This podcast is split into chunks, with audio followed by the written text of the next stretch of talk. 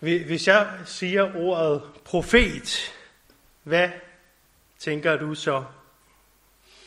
Øhm, jeg, jeg ved jo ikke, hvad der sker inde i jeres hoveder, men, men jeg vil gætte på, at I har et billede af en mand med et stort, grænsende til gigantisk skæg, som hedder Moses, eller Elias, eller Esajas, eller Jeremias, som vi så lige før, eller et eller andet andet artet navn.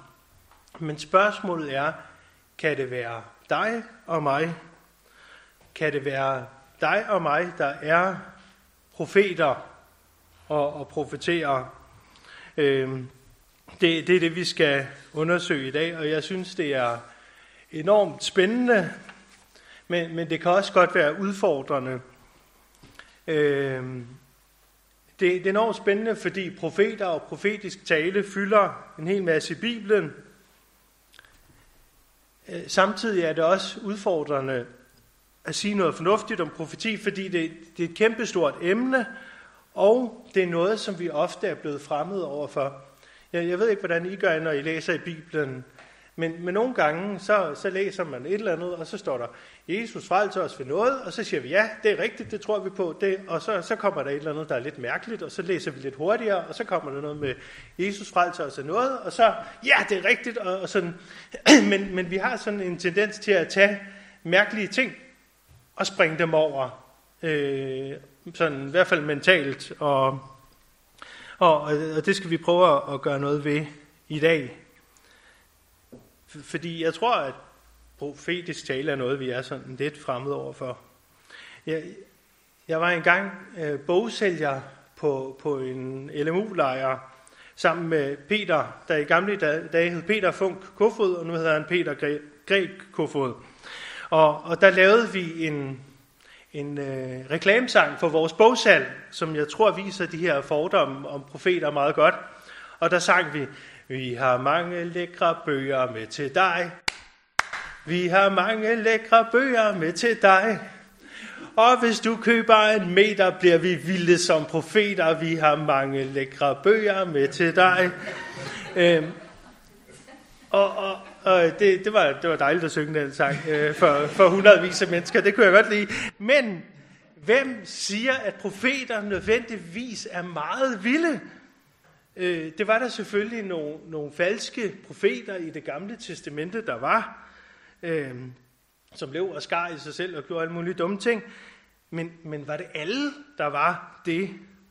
Og, og i vores indre idé om, om profeter, så bliver det let sådan nogen, der levede for, for meget lang tid siden, og, og der skal ikke meget fantasi til at forestille sig deres enorme profetskæg og sådan lidt alvorlige udseende.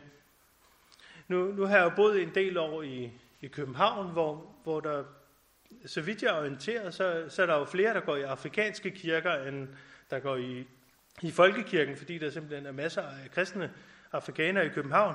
Men, men i afrikanske sammenhænge og i karismatiske sammenhænge, der, der er det mere almindeligt at, at snakke om profeter, så det kan være, at der er nogen, der får de associationer.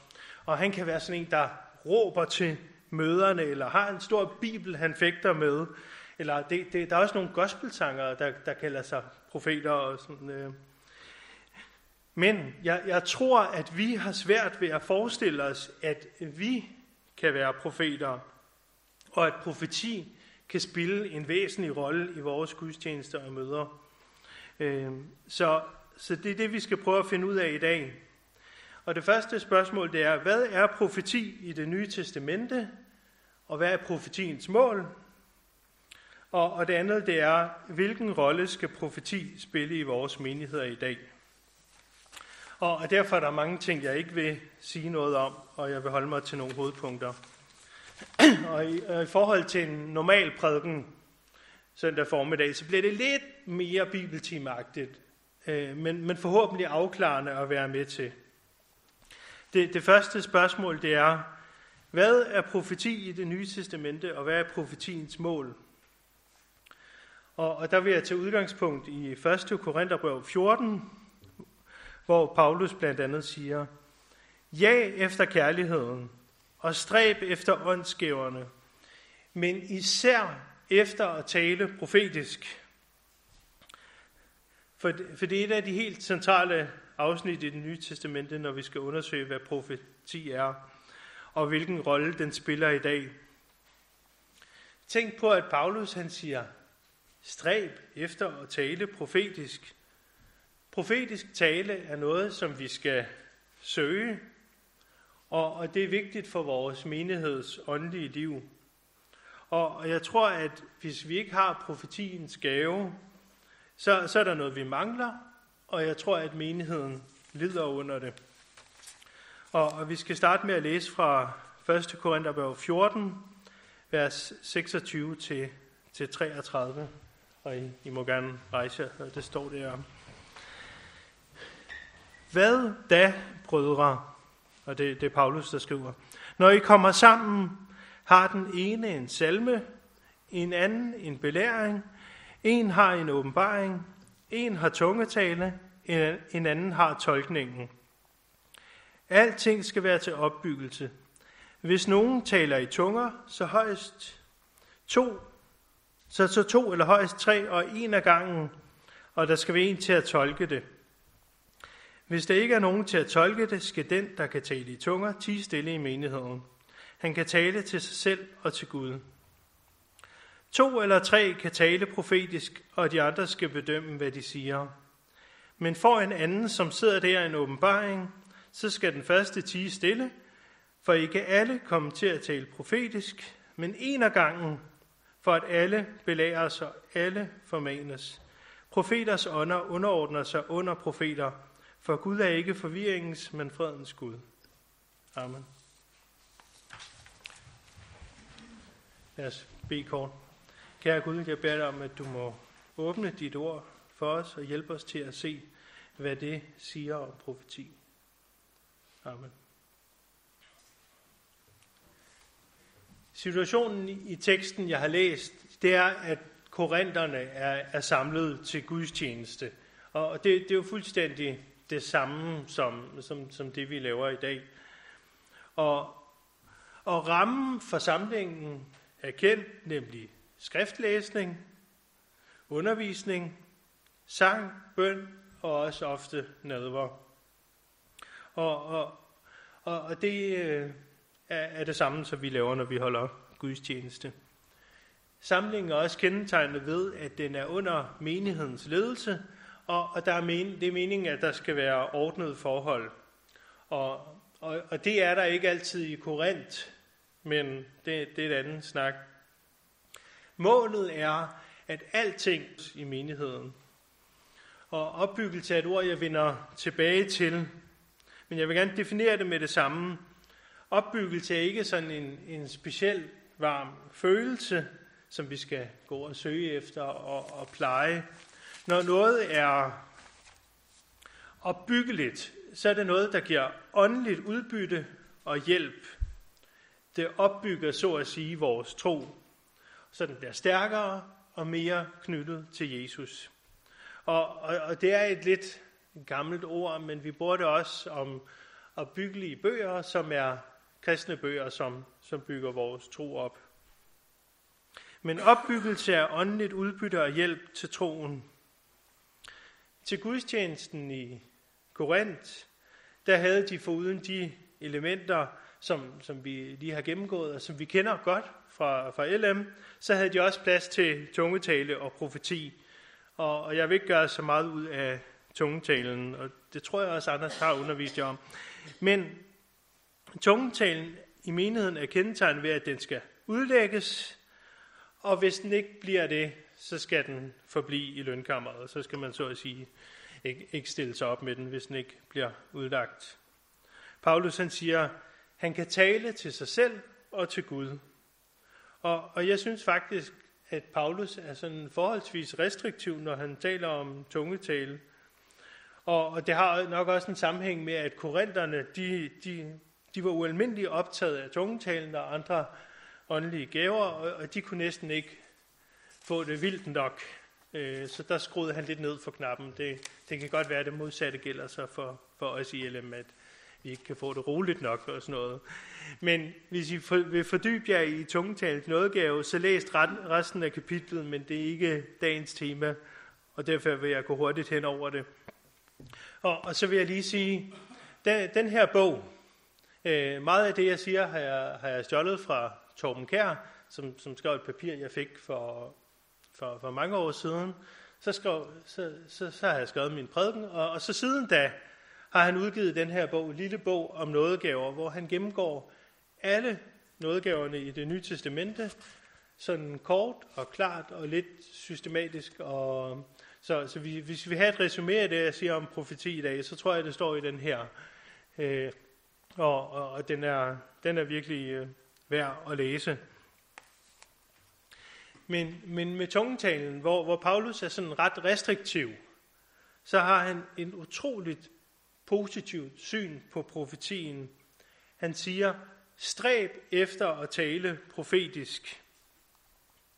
Profetisk tale, det er ikke noget, der skal begrænses. Det er noget, vi skal stræbe efter mere af i menighedens gudstjenester eller, eller til vores LM-møder. Og om profetien i Korinthernes gudstjeneste, der siger Paulus i vers 29, To eller tre kan tale profetisk, og de andre skal bedømme, hvad de siger.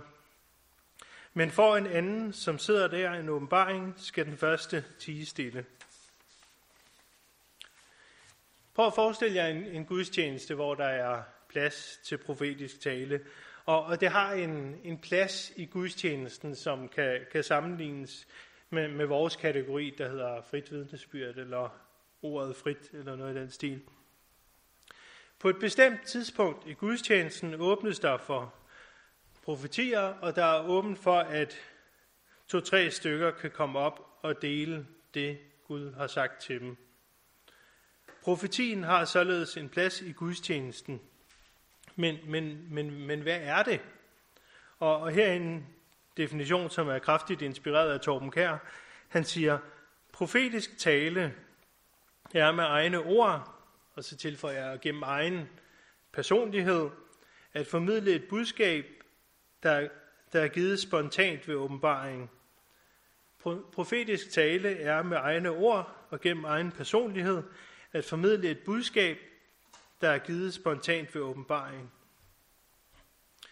Gud taler direkte til kristne mennesker, og, og det er det, som de formidler i profetien. Og, og han taler om, at to eller tre kan tale, og, og det tyder for mig på, at, at det ikke er sådan nogle voldsomt lange budskaber. Altså, jeg tror ikke, de har stået og snakket i en halv time hver, fordi så, så ville det være blevet en lang, lang gudstjeneste.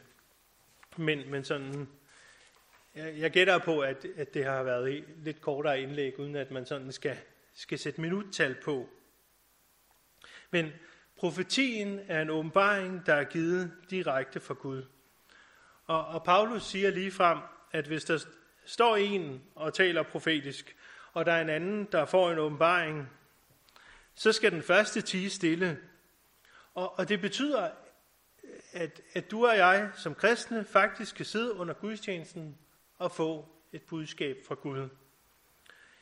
Ikke ved at vi sidder derhjemme og, og læser i Bibelen eller andre kristne bøger, eller tænker os meget godt om. Nej, Gud kan tale direkte til os. Øh, og, og for eksempel, når, når jeg skriver en, en prædiken, det, en prædiken det er ligesom det, vi i Paulus sprogbog her vil kalde for en belæring. Så læser jeg bibelteksten forholdsvis grundigt, læser credokommentaren eller, eller andre øh, gode bøger, der ligesom hjælper mig til at, at, at trænge ind i Bibelen og, og så videre, og, og forbereder en, en belæring. Så lige nu, så står jeg og belærer jer, hvis I ikke...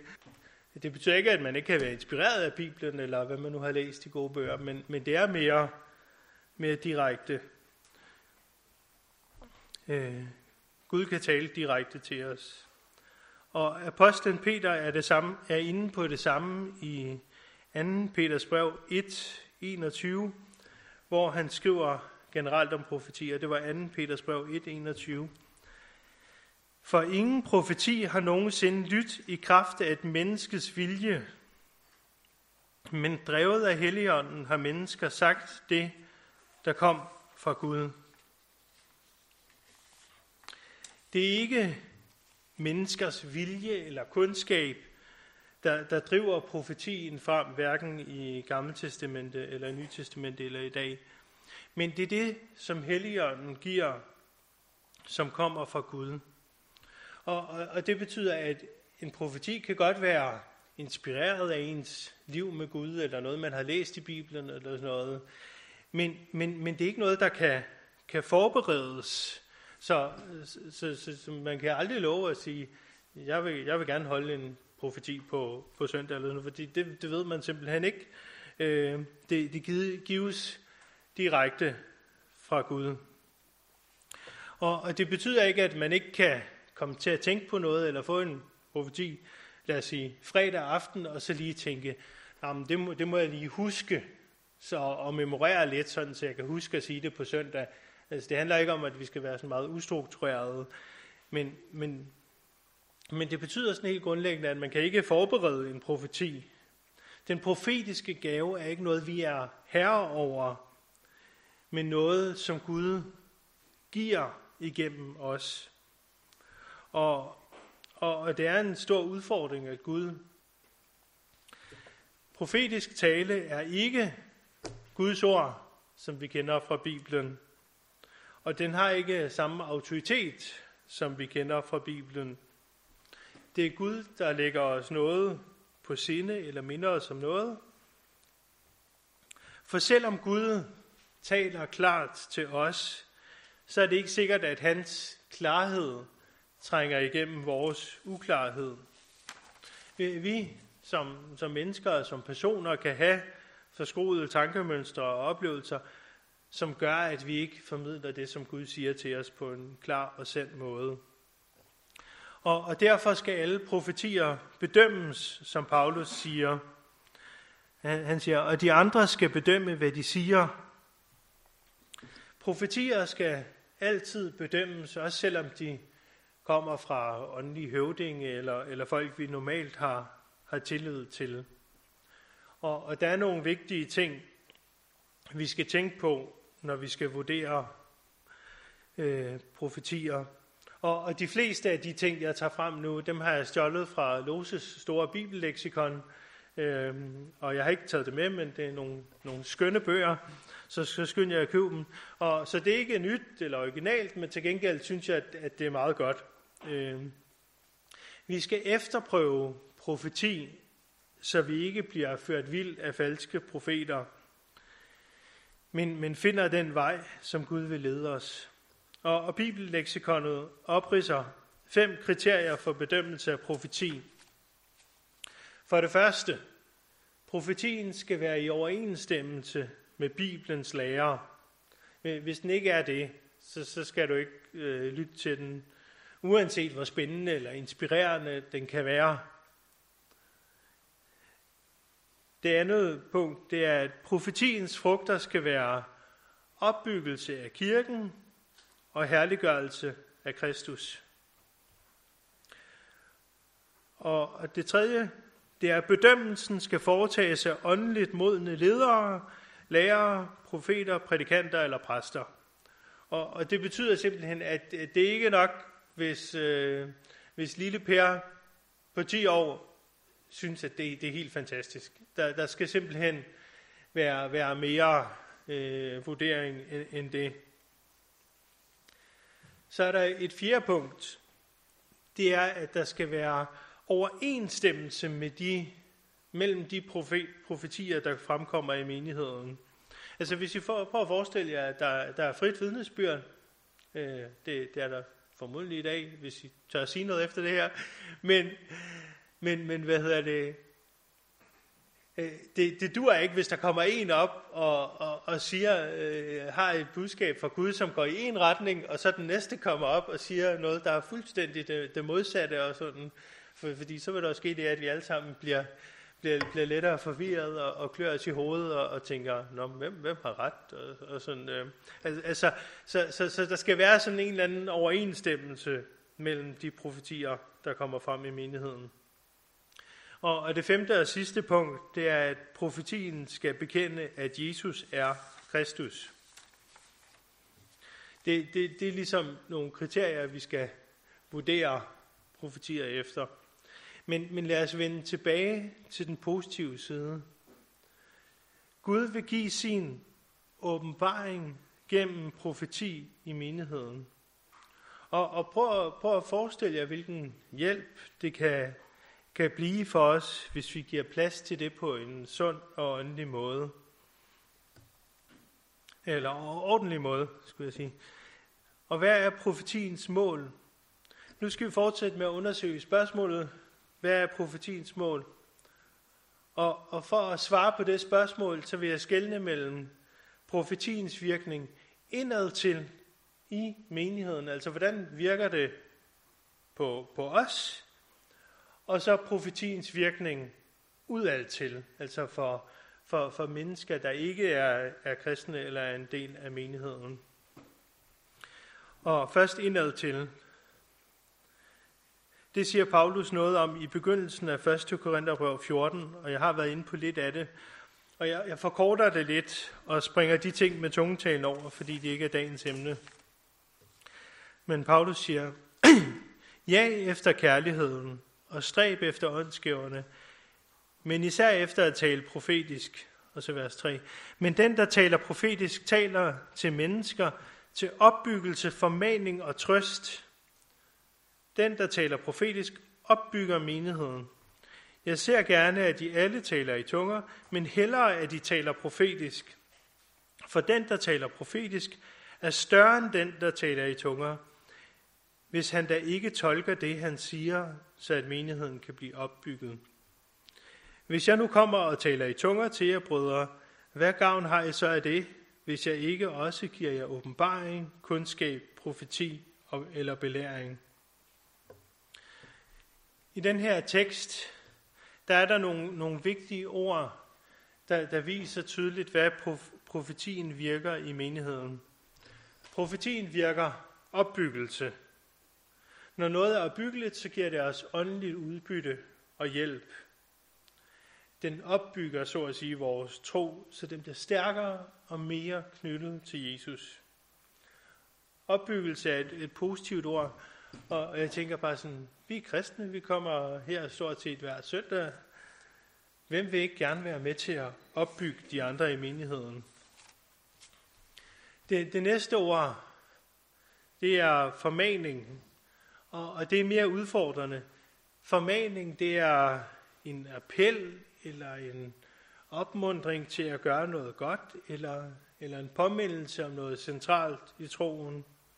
Og, og profetisk formaning øh, har altså kant, og, og, og det, det er faktisk noget, som, som kan forandre os og høre på, så vi ikke er de samme, når vi har hørt det. Og, og, og det, det ser man jo også masser af eksempler på i det gamle testamente, at, at, at profeterne ikke nødvendigvis er sådan særligt behagelige at høre på. Det, det sidste, det er trøst. Gud vil trøste os gennem profetien. Og, og prøv, prøv at tænke på den trøst, som, som tusindvis af mennesker har fået ved at læse profetien om Jesus i Esajas 53, eller i Johannes åbenbaring 21 om, hvordan vi hører, hvor vi hører om, hvordan det skal blive på den nye jord. Der, der er noget, noget trøst i det, og noget håb. Og, og Gud vil trøste os på samme måde, og give os håb gennem profetisk tale for ham. Så, så lad os tage imod det. Lad os tage imod de gaver, som Gud vil give os. Profetien i det nye testamente har altså de, har altså de her tre hovedformål. Opbyggelse, formaning og trøst. Og, og det er jo et de samme mål, som god forkyndelse har. Og, og det har fået nogen, der ellers har en meget sund og fornuftig bibellæsning, til at konkludere, at profeti er forkyndelse, eller at profeti er træffende og relevant forkyndelse, eller en ekstra klar forkyndelse. Men, Men, men det tror jeg er en misforståelse.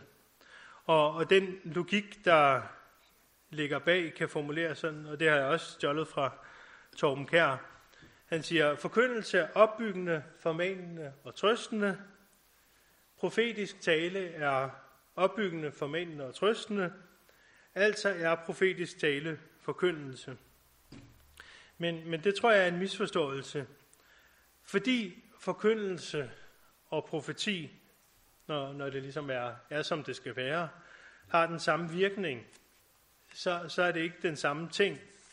Det er, det er som Ludvig Holberg formulerer det i et af hans øh, stykker, øh, hans teaterstykker. Han siger, en sten kan ikke flyve.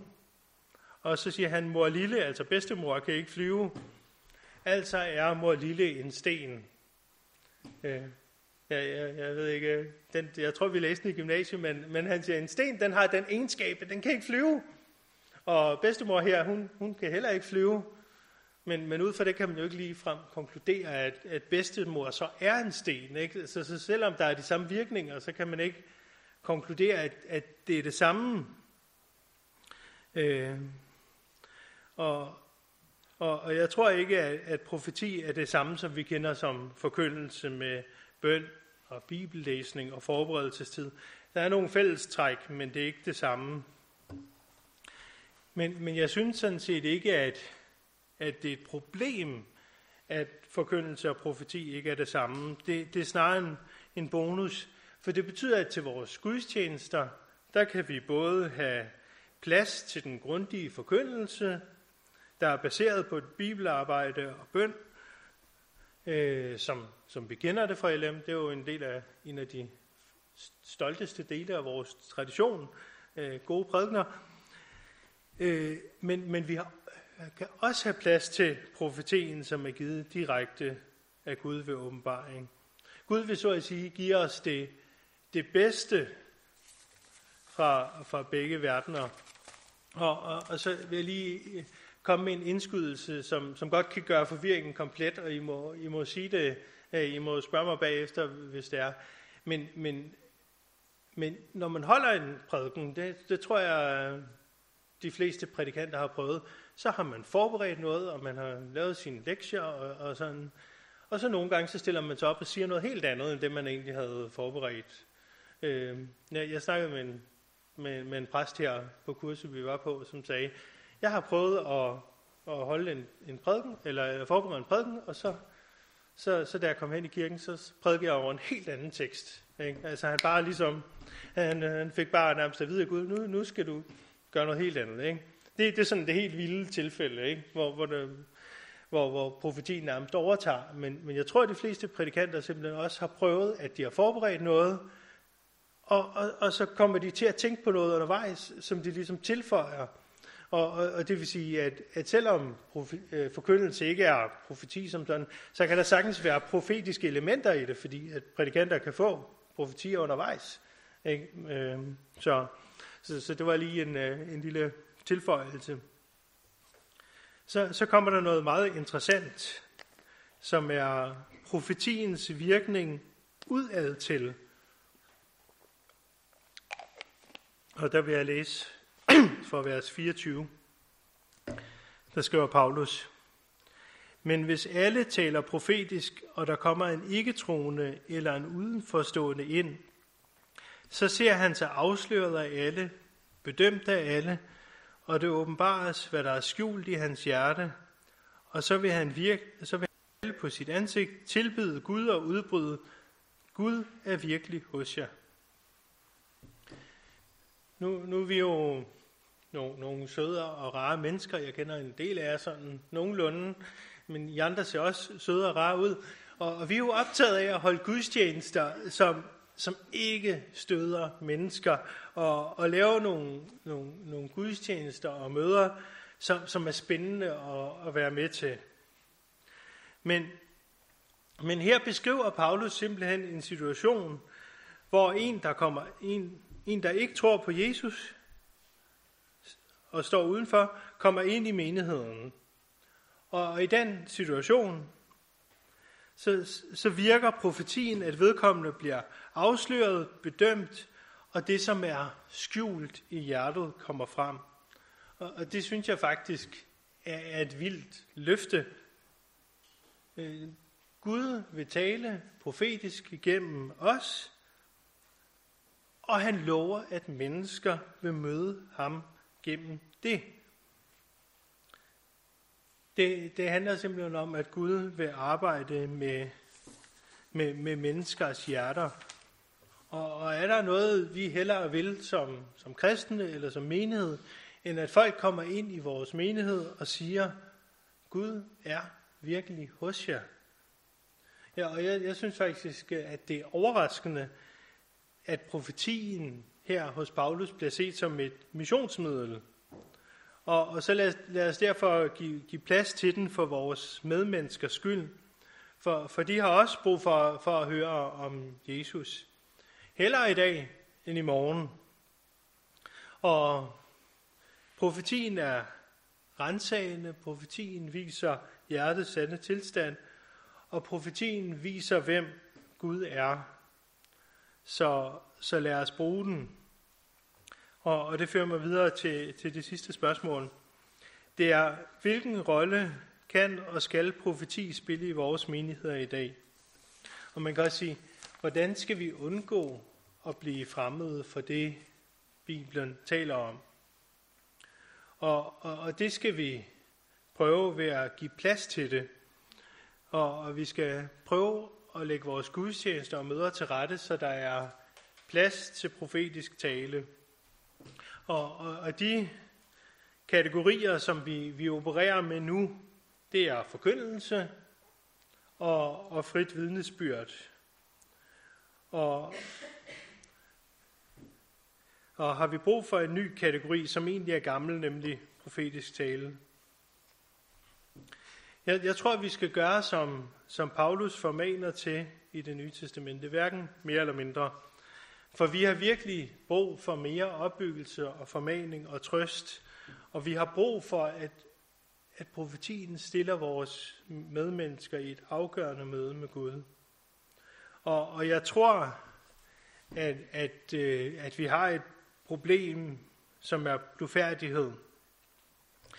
Men, men det skal ikke stoppe os. Jeg tror godt, at vi kan give profetien en god plads i vores forsamling. Og, og den, den nemmeste måde at, at gøre det på, det er at bruge den platform, som vi, som vi allerede har, som hedder frit vidnesbyrd. Og selvom det også ofte handler om at, at dele noget, som man, man selv har, har oplevet. Så, så hvis du sidder, og der er, er frit vidnesbyrd, og Gud siger noget til dig, så, så sig det og, og del det. Øh, og det tror jeg, øh, at det allerede bliver gjort. Og, og jeg tror sådan set, at vi har profeti i LM. Vi, vi, vi kalder det bare ikke profeti, fordi det er sådan lidt, lidt, lidt vildt at sætte ord i sin mund. Altså, så, så jeg vil nok ikke stille mig op og sige, jeg, jeg har fået en profeti, men, øh, men hvis I lægger mærke til det, ikke, så, så, så når folk stiller sig op og holder et frit vidnesbyrd, så er der nogen, der siger, jeg føler mig tilskyndet til at sige, eller det kom til mig. Ikke? Og, og, og så kan man jo stille nogle logiske spørgsmål her. Ikke? Fordi hvis det ikke er Gud, der tilskynder, eller Gud, der giver eller inspirerer det, som kommer, så, så håber jeg ikke, at folk stiller sig op med det. Øh, så, så vi har sådan set et sprog, der sådan lidt vagt beskriver profetisk tale. Men, men lad os prøve at blive lidt mere bevidste om det. Og, og lad os bruge den platform, som vi kender som frit vidnesbyrd. Og, og fylde den med, med Nytestamentets tale om, om profeti. Og, og jeg, jeg har simpelthen, nu er jeg jo kommet i, i LM i en del år, og jeg har oplevet, ja, det, det kan være lige meget, hvor det er, men jeg har oplevet en, der stillede sig op søndag efter søndag, og, og havde nogle, nogle korte budskaber. Det var aldrig indviklet, og det var altid til at forstå. Men, men jeg sad bare sådan og, og, og følte mig som ramt af åndelige dartpile hver eneste søndag af, af, af hende, der, der ligesom stillede sig op og, og, og delte noget øh, til, til frit vidnesbyrd. Og, Og jeg, jeg tror ikke, hun ved, at hun er en profet. Det, det, det, det er simpelthen lidt for vildt, men, men jeg tror, hun var det. Jeg er, jeg er faktisk ikke i, i tvivl, og, og, og det skal vi jo bare dele, og, og vi har en udmærket platform i det, vi plejer at kalde for, for frit vidnesbyrd. Men, men lad os fylde den med, med profetier. Lad os ved Guds noget brug for. Og, og det behøver sikkert at være en Moses, eller Elias, eller have et flot skæg. Men det, det der ligesom skal til, det er at, at lytte til Gud. Fordi hvis vi ikke lytter til ham, og hvis vi ikke er åbne for hans ord og hans budskab, så, så hører vi heller ikke noget, og så har vi ikke noget at give videre. Men, men det, som Gud siger til dig, del det med, med din menighed. For, for ellers så, så hører de det jo ikke. Det er jo sådan meget logisk. Så øh, kort sagt, lad os øh, lytte til Gud, og lad os dele det til frit vidnesbyrd. Amen. Kære Gud, tak for, at du har givet os en, en klar lære om profeti i det nye testamente, og jeg beder dig om, at du må hjælpe os til at tro på den, og til at lade den fylde vores menighed, fordi vi har virkelig brug for opbyggelse, formaning og trøst. Amen.